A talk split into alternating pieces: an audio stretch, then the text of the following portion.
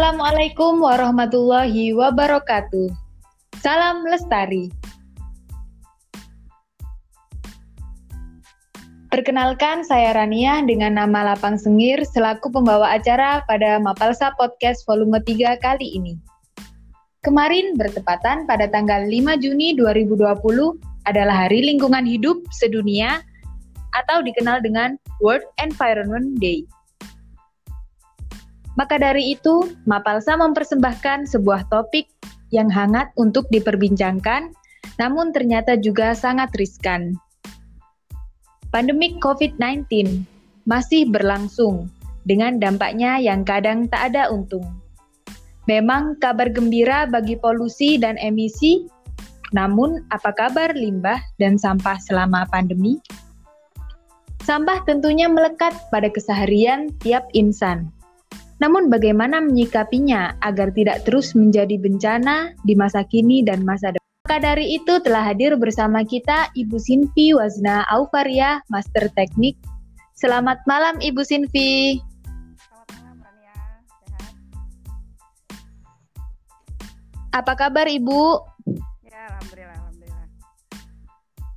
Alhamdulillah, semoga teman-teman di rumah juga selalu dalam lindungannya. Amin.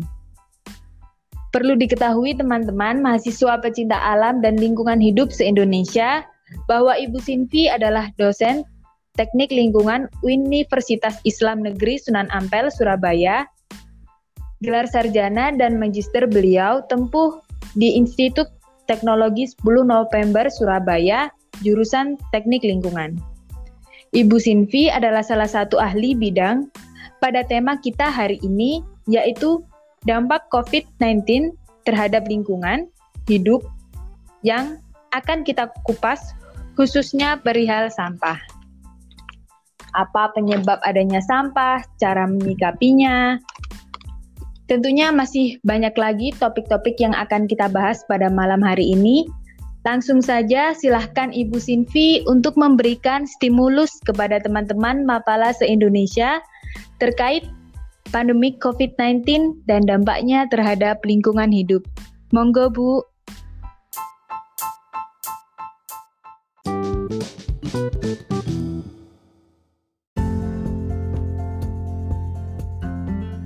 Terima kasih banyak ya kesempatannya.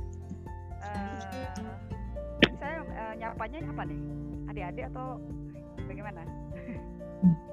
Teman-teman boleh, adik-adik boleh, okay. biar teman saja mungkin ya. Ya. Baik, uh, ini sedikit saya sampaikan beberapa. Jadi selama pandemi ini memang karena saya juga work from home, jadi saya juga belajarnya beberapa seminar dan lain sebagainya belajar dari rumah juga ya. Saya rasa juga kalian yang mahasiswa juga mengalami hal yang sama, kalian belajar di rumah. Ini uh, yang akan saya sampaikan sebagian besar ini saya uh, dari beberapa materi baik yang disampaikan oleh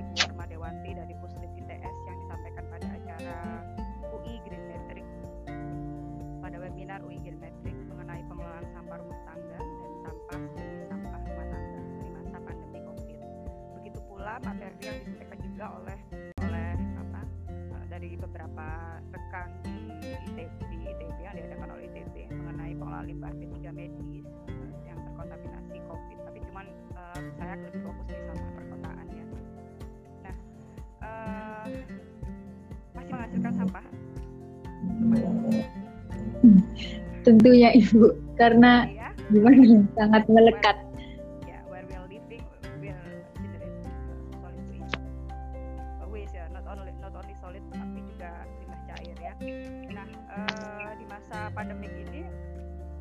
Kita bayangkan saja ya, uh, pada hari normal saja permasalahan sampah itu cukup signifikan. Uh, kita memberi pelayanan pelayanan sampah di Indonesia sekitar 60% secara keseluruhan. Selebihnya adalah dilakukan oleh masyarakat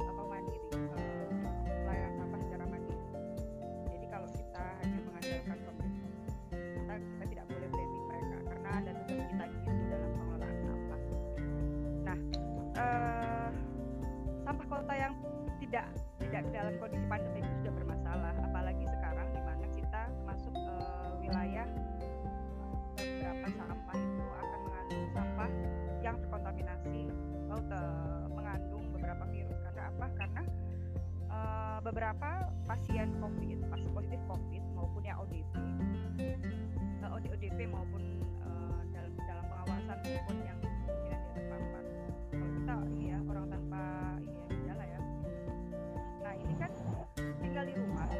semuanya di rumah sakit karena uh,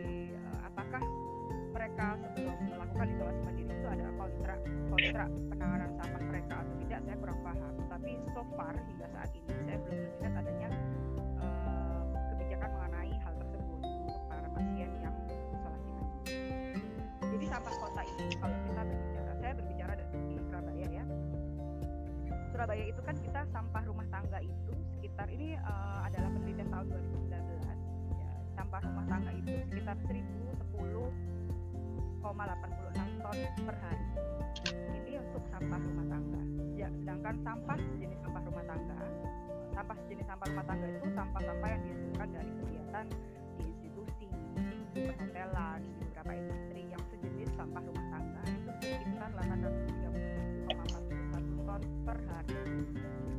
Nah, kegiatan uh, sampah ini tadi tidak semuanya masuk ke TPA, TPA, tapi akan ada kegiatan reduksi sampah. Nah, reduksi sampah ini kalau kita bisa bisa lakukan melalui bank sampah maupun mandiri melalui sektor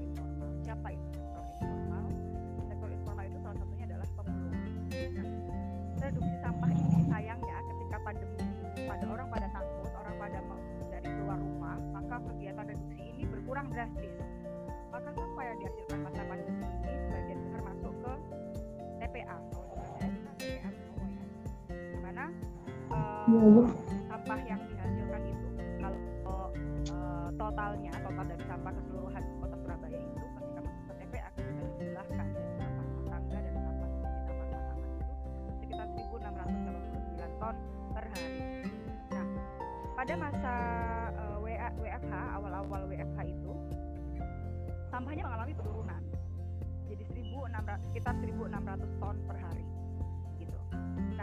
memasuki masa PSBB uh, ketika kita Surabaya mulai masa PSBB itu kita bulan April ya. Bulan April. Iya. Gitu. Bulan April PSBB.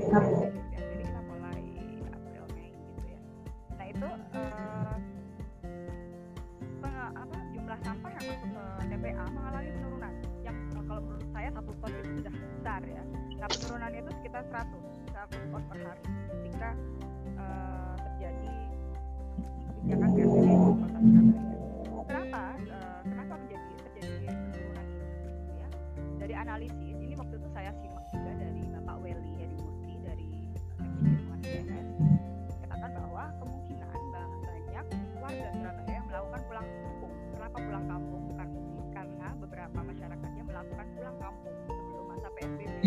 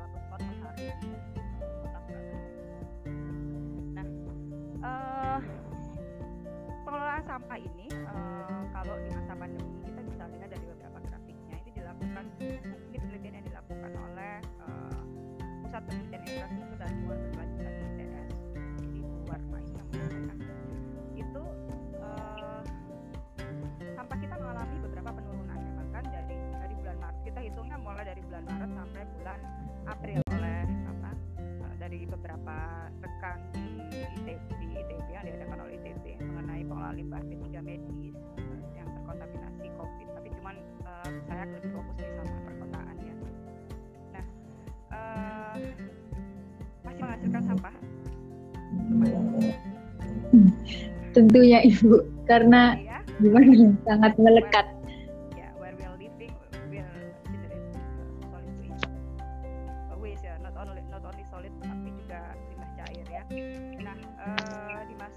masa pandemi ini kita bayangkan saja ya uh, pada hari normal saja permasalahan sampah itu cukup signifikan. Uh, kita memberi pelayanan pelayanan sampah di Indonesia sekitar 60 persen secara keseluruhan. Selebihnya ada dilakukan oleh masyarakat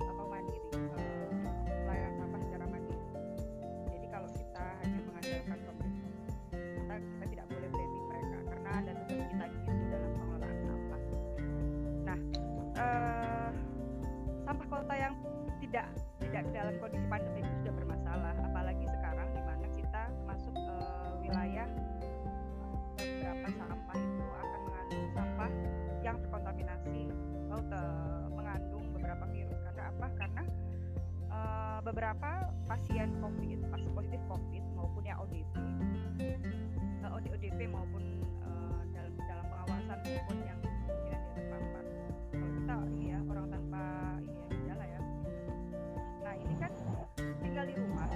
semuanya di rumah sakit karena uh, beberapa rumah sakit rujukan covid mengalami overload jadi permintaan untuk isolasi mandiri di rumah itu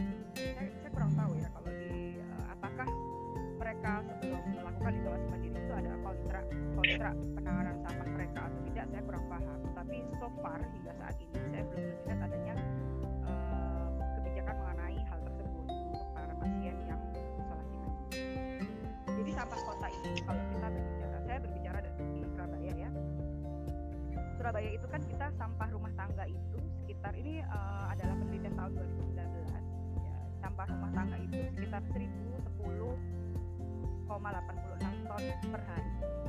Ini untuk sampah rumah tangga.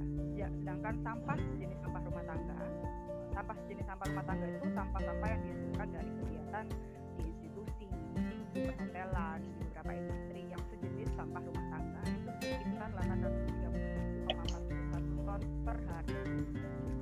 Nah kegiatan uh, sampah ini tadi tidak semuanya masuk ke TPA, TPA tapi akan ada kegiatan reduksi sampah. Nah reduksi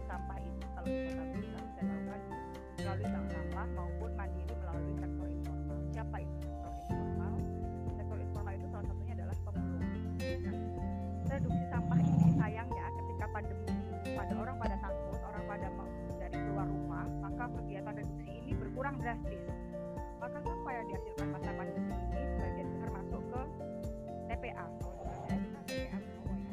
Di mana uh,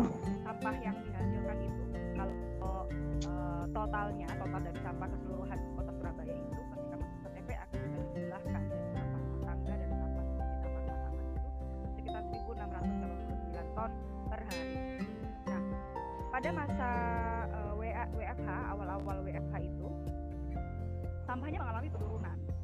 Jadi 1.600 sekitar 1.600 ton per hari. Gitu. Nah, memasuki masa PSBB uh, ketika kita Surabaya mulai masa PSBB itu kita bulan April ya. Bulan April. Iya. Gitu. Bulan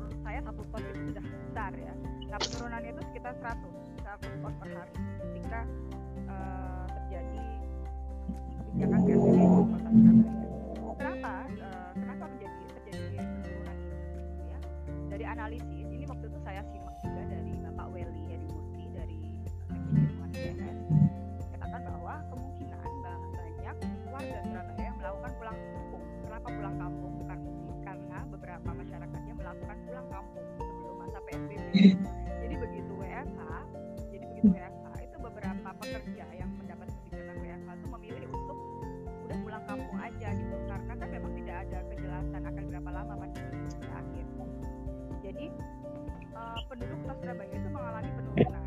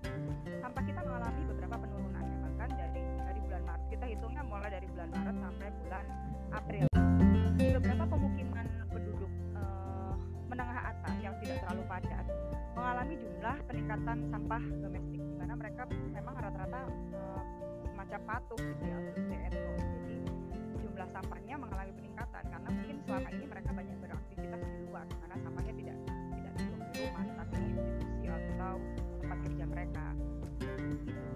Nah penurunannya terjadi di mana? Ada banyak spot yang mengalami penurunan. Kita lihat uh, sebut saja salah satunya adalah stasiun terminal bandara. Itu mengalami penurunan apalagi hotel dan makan jadi kalau uh, kalau rumah tangga tidak tidak mengalami banyak penurunan kecuali daerah pemukiman yang wilayahnya adalah tempat mukim mahasiswa.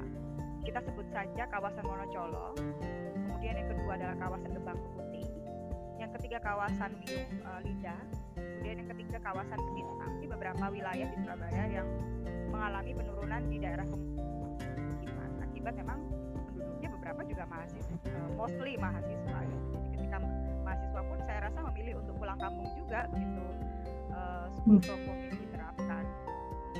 Jadi ada beberapa wilayah yang mengalami uh, kenaikan dan penurunan. Oke okay, uh, nah untuk rumah sakit ya limbah rumah sakit itu justru mengalami penurunan loh kalau uh, ya beberapa rumah sakit terutama rumah sakit yang menjadi rumah sakit rujukan pasien COVID. Karena ya uh, saya saja mungkin sebagai orang awam kalau mau pergi ke rumah sakit saya akan berpikir berkali-kali lipat di masa pandemi ini mana apalagi rumah sakitnya rumah sakit rujukan COVID di mana ada kemungkinan kemungkinan besar adanya virus tersebut di lingkungan di uh, bahkan beberapa klinik pun itu juga memilih ada yang memilih tutup gitu Nah, rumah sakit yang mengalami kenaikan itu juga ada. Karena apa? Karena itu pasien dari rumah sakit yang khawatir ke rumah sakit rujukan COVID. Mereka pergi ke rumah sakit rumah sakit kecil yang sekiranya tidak ada tidak dan menerima rujukan pasien rujukan gitu. Seperti halnya kalau di Surabaya itu yang mengalami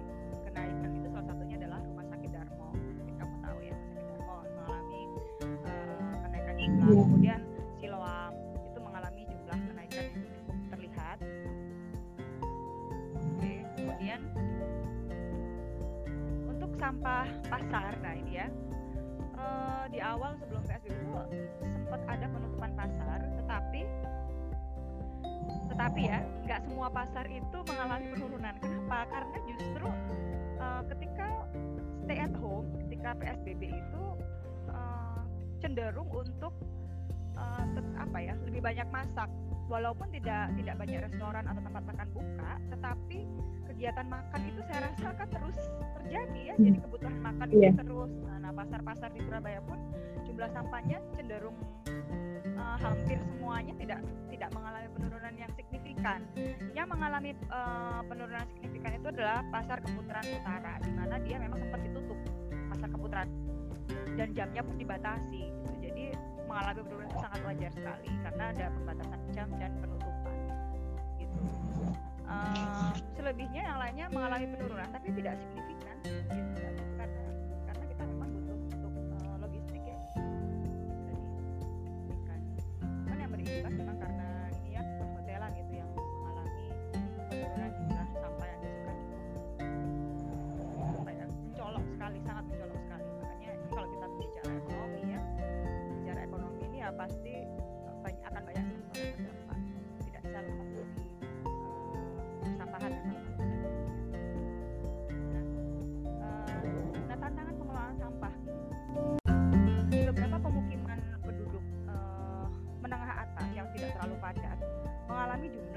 jumlah peningkatan sampah domestik di mana mereka memang rata-rata uh, semacam patuh gitu ya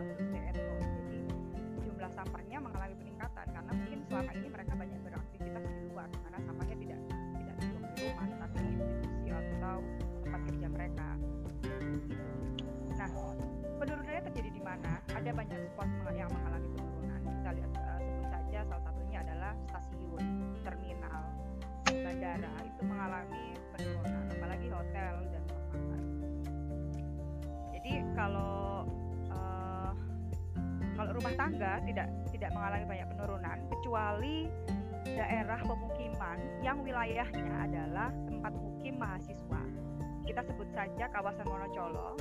Kemudian yang kedua adalah kawasan Gebang Putih.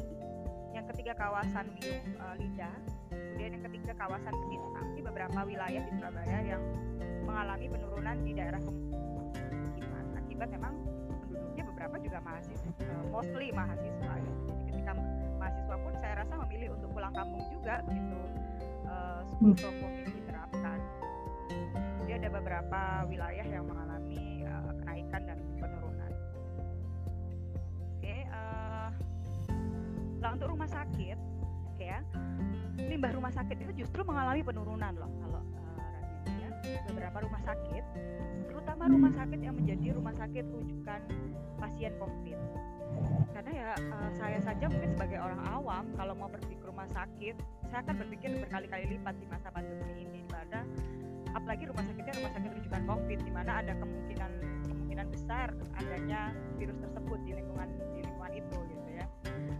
Uh, bahkan beberapa klinik pun itu juga memilih ada yang memilih tutup gitu. Nah, rumah sakit yang mengalami kenaikan itu juga ada. Karena apa? Karena itu pasien dari rumah sakit yang khawatir ke rumah sakit rujukan COVID. Mereka sekiranya tidak ada tidak dan menerima rujukan pasien bukan gitu. Seperti halnya kalau di Surabaya itu yang mengalami kenaikan itu salah satunya adalah rumah sakit Darmo. Mungkin kamu tahu ya jumlah yeah. kemudian siloam itu mengalami jumlah kenaikan yang cukup terlihat oke kemudian untuk sampah pasar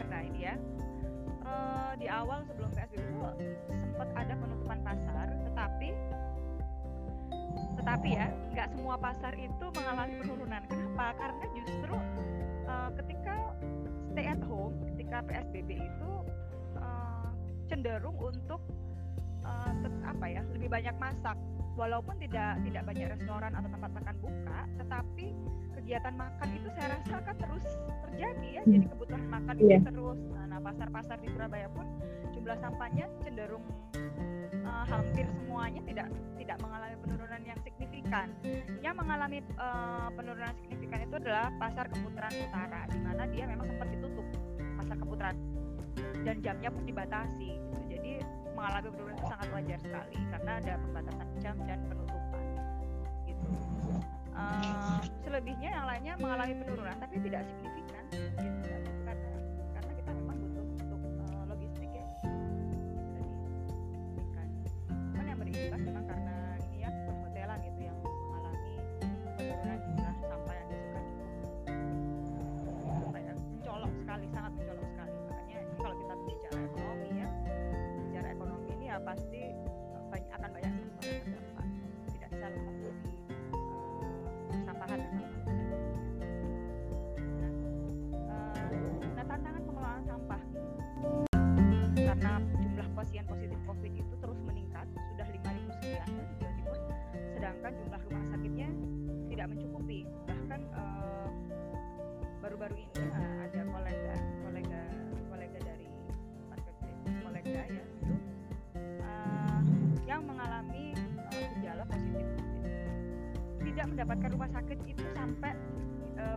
rumah sakit menolak. Kita bayangkan nah ini bagaimana dengan keluarganya gitu yang apa? Yang kemungkinan masih masih belum hasil keluar hasilnya belum keluar. Tapi kan ada awareness gitu untuk bagaimana sampai dihasilkan di rumah ya. Dikemas tidak ya? Maka uh, kalau prosedurnya ya peran serta kita peran kita masyarakat ya ini lebih bagus lagi ya kalau disampaikan oleh uh, mungkin pengurus RT atau ya pengurus RT setempat gitu ya mungkin menyampaikan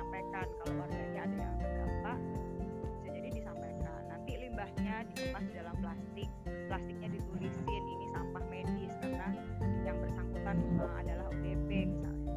Lalu sampah medis itu ditulis ditempatkan khusus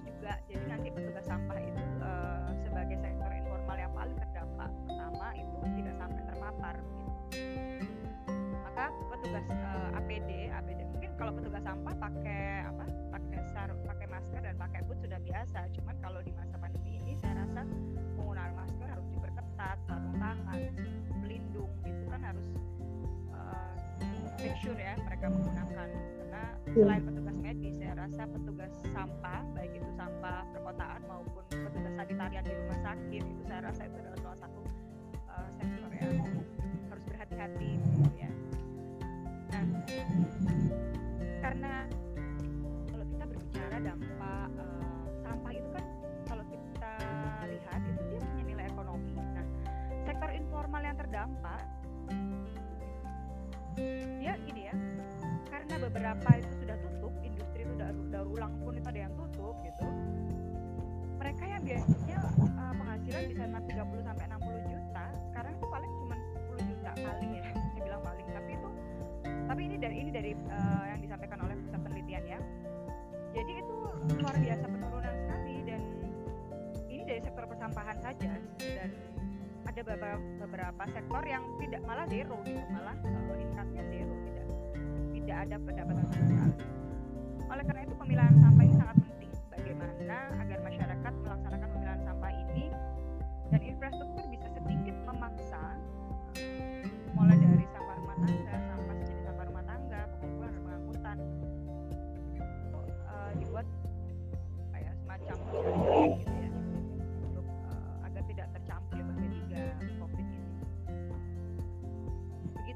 Begitu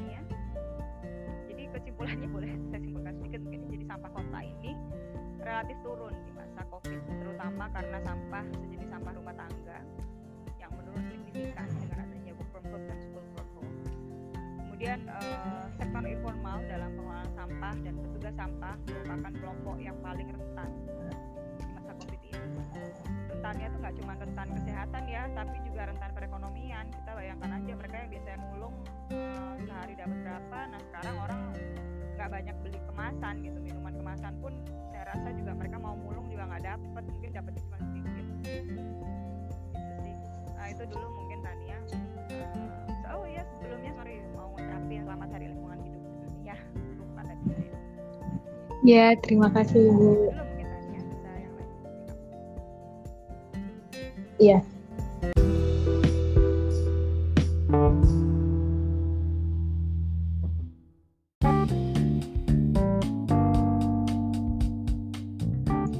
Jadi mungkin uh, langsung saja ke sesi tanya jawab karena tadi juga kesimpulannya sudah sangat jelas ya Bu. Nah ini ada pertanyaan dari teman Mapala juga Zainullah. Sebenarnya sampah itu musuh atau teman?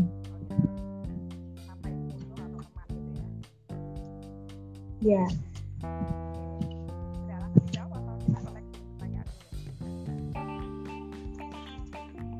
Eh, langsung dijawab dulu nggak apa-apa Bu.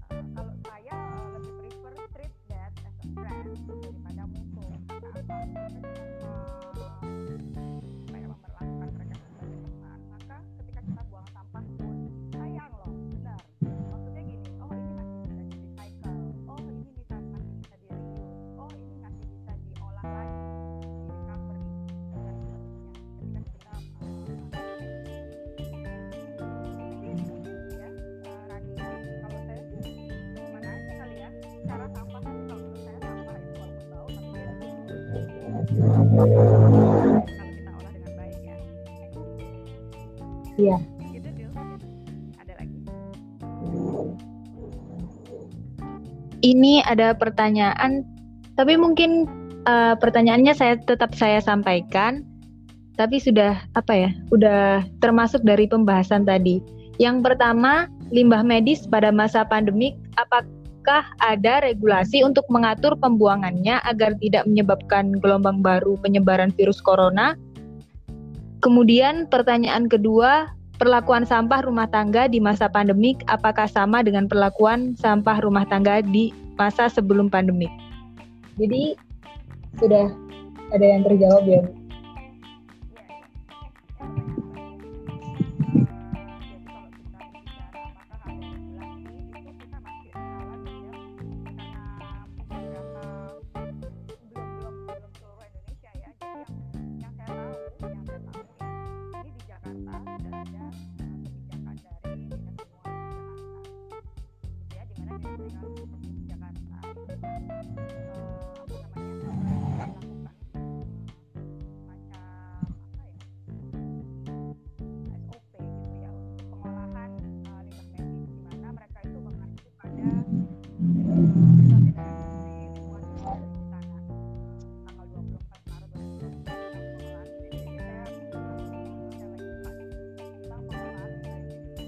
Bu?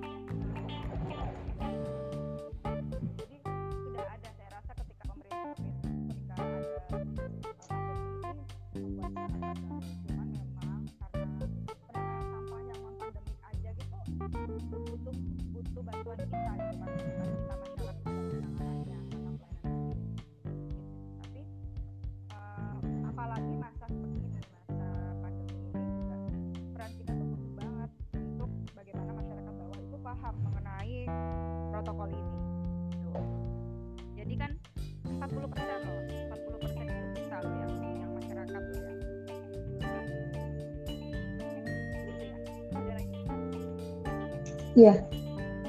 Mungkin cukup dulu Bu untuk sek pada section kali ini.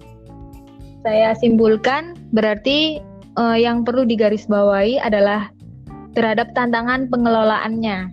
Jadi ha- sedikit harus ada pemaksaan dan baik itu berupa sosialisasi dari eh, instansi setempat atau RT RW terkait eh, pengelolaan limbah khususnya limbah sampah rumah tangga yang dikemas dahulu dalam plastik kemudian ditulis bahwa ini adalah limbah eh, sampah yang apa eh, berapa Bu?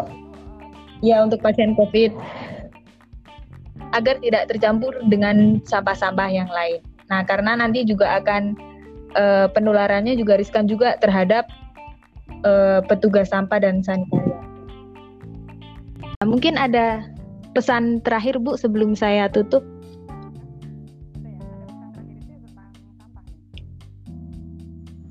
itu ya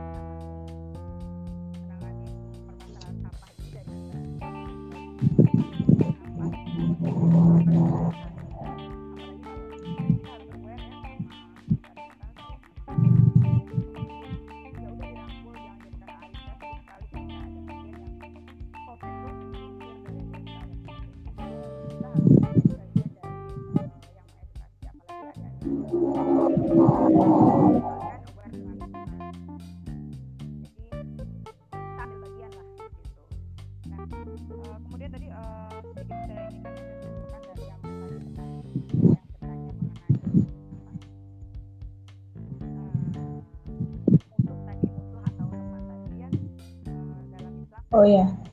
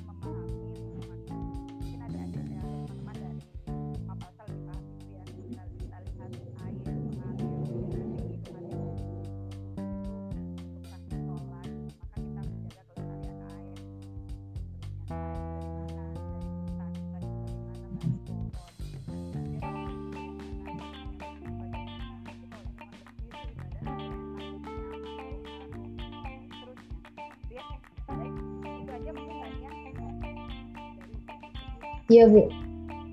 Ya.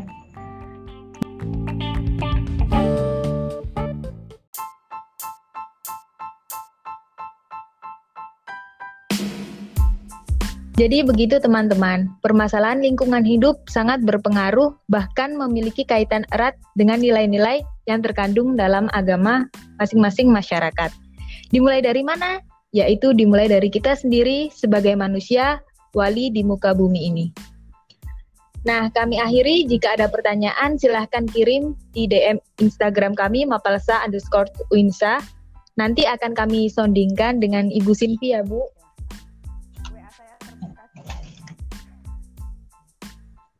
Ya, nanti nomor WA-nya juga akan kami sampaikan juga. Terima kasih banyak untuk Ibu Sinvi atas ilmu dan waktunya. Sekali diundang oleh Mapalsa dan Tania terutama. Ya.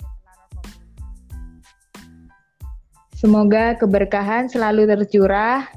Amin. Terima kasih juga kepada teman-teman dan keluarga besar Mapalsa Uinsa Surabaya. Semoga bermanfaat. Stay safe and stay healthy. Semoga kita semua selalu dalam lindungannya. Sampai jumpa di Mapalsa Podcast volume 4. Inilah dari Mapala untuk Indonesia Tanggap Bencana. Salam lestari. Wassalamualaikum warahmatullahi wabarakatuh.